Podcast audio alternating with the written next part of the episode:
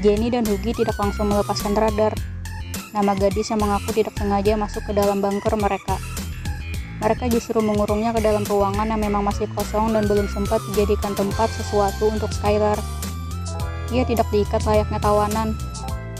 Ia hanya dikurung sementara demi mengantisipasi hal yang tidak diinginkan. Karena sudah malam, Jenny masuk ke dalam dengan membawakan bantal, selimut, dan makanan untuknya. Gadis itu langsung menerimanya tanpa berkata apa pun.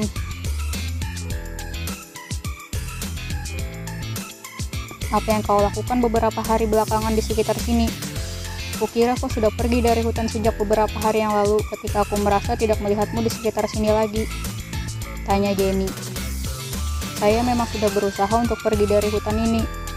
Tapi setelah berhari-hari saya pergi dan berjalan jauh, tidak tahu kenapa saya justru kembali ke tempat awal di mana saya terjatuh. Katanya di sela-sela makannya. Apa yang membuatmu bisa secara kebetulan jatuh kemari?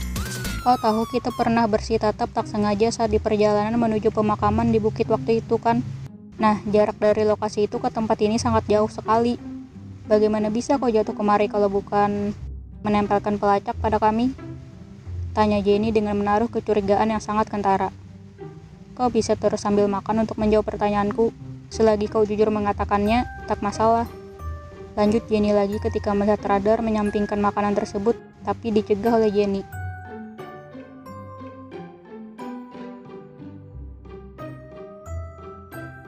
Mengenai kita yang pernah bertatapan tanpa sengaja itu, sepertinya aku tidak ingat sama sekali. Karena aku tipikal orang yang mudah melupakan segala sesuatunya jika itu tidak berarti untukku. Nah, untuk yang bagian aku bisa terjatuh kemari, kurasa itu lucu. Ya, terdengar seperti takdir yang dibuat dalam serial drama. Ah, maafkan aku, aku terlalu santai menjawab tanyamu. Maksudku, aku pun tidak tahu kenapa. Namun yang jelas, ketika aku sedang menaiki para layang, saat aku tengah di atas, aku memang mengarahkan para layangku lebih jauh dari garis terbang. Aku benar-benar menikmati penerbanganku saat itu, sehingga tidak menyadari dengan titik keberadaanku sudah ada di mana. Hingga pada akhirnya sekumpulan burung terbang menabrakku hingga para layangku oleng dan rusak. Tak ingin membuat tubuhku cedera parah, aku lantas melepaskannya dan membuka parasutku. Namun masalah baru menimpaku lagi. Sebuah angin besar menghantamku membuatku berputar-putar di udara. Hingga akhirnya aku pun terjatuh ke hutan ini. Jelasnya dengan kembali menyuapkan makanan ke mulutnya.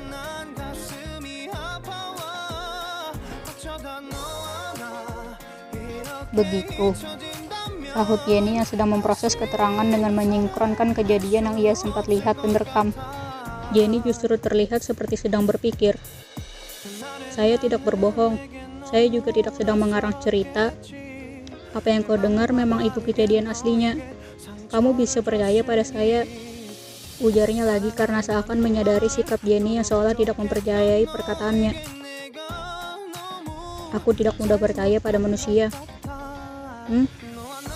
Maksudku, aku tidak gampang percaya pada orang baru. Jadi, aku harus mengurungmu sedikit lebih lama sampai aku tahu kamu memang benar-benar mengalami kecelakaan murni sehingga bisa jatuh kemari.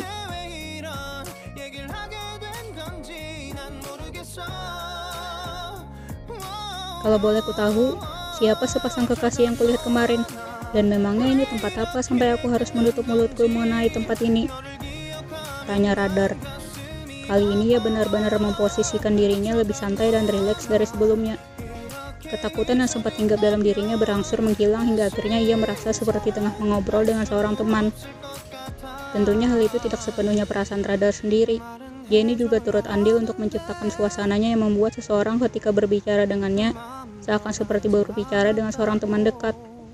Tentunya hal itu tak bisa disadari oleh orang biasa.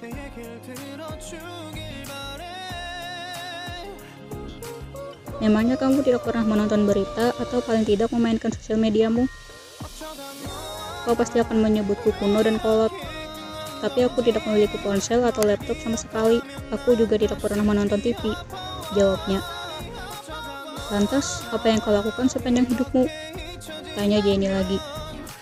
Hanya bekerja? Jawabnya.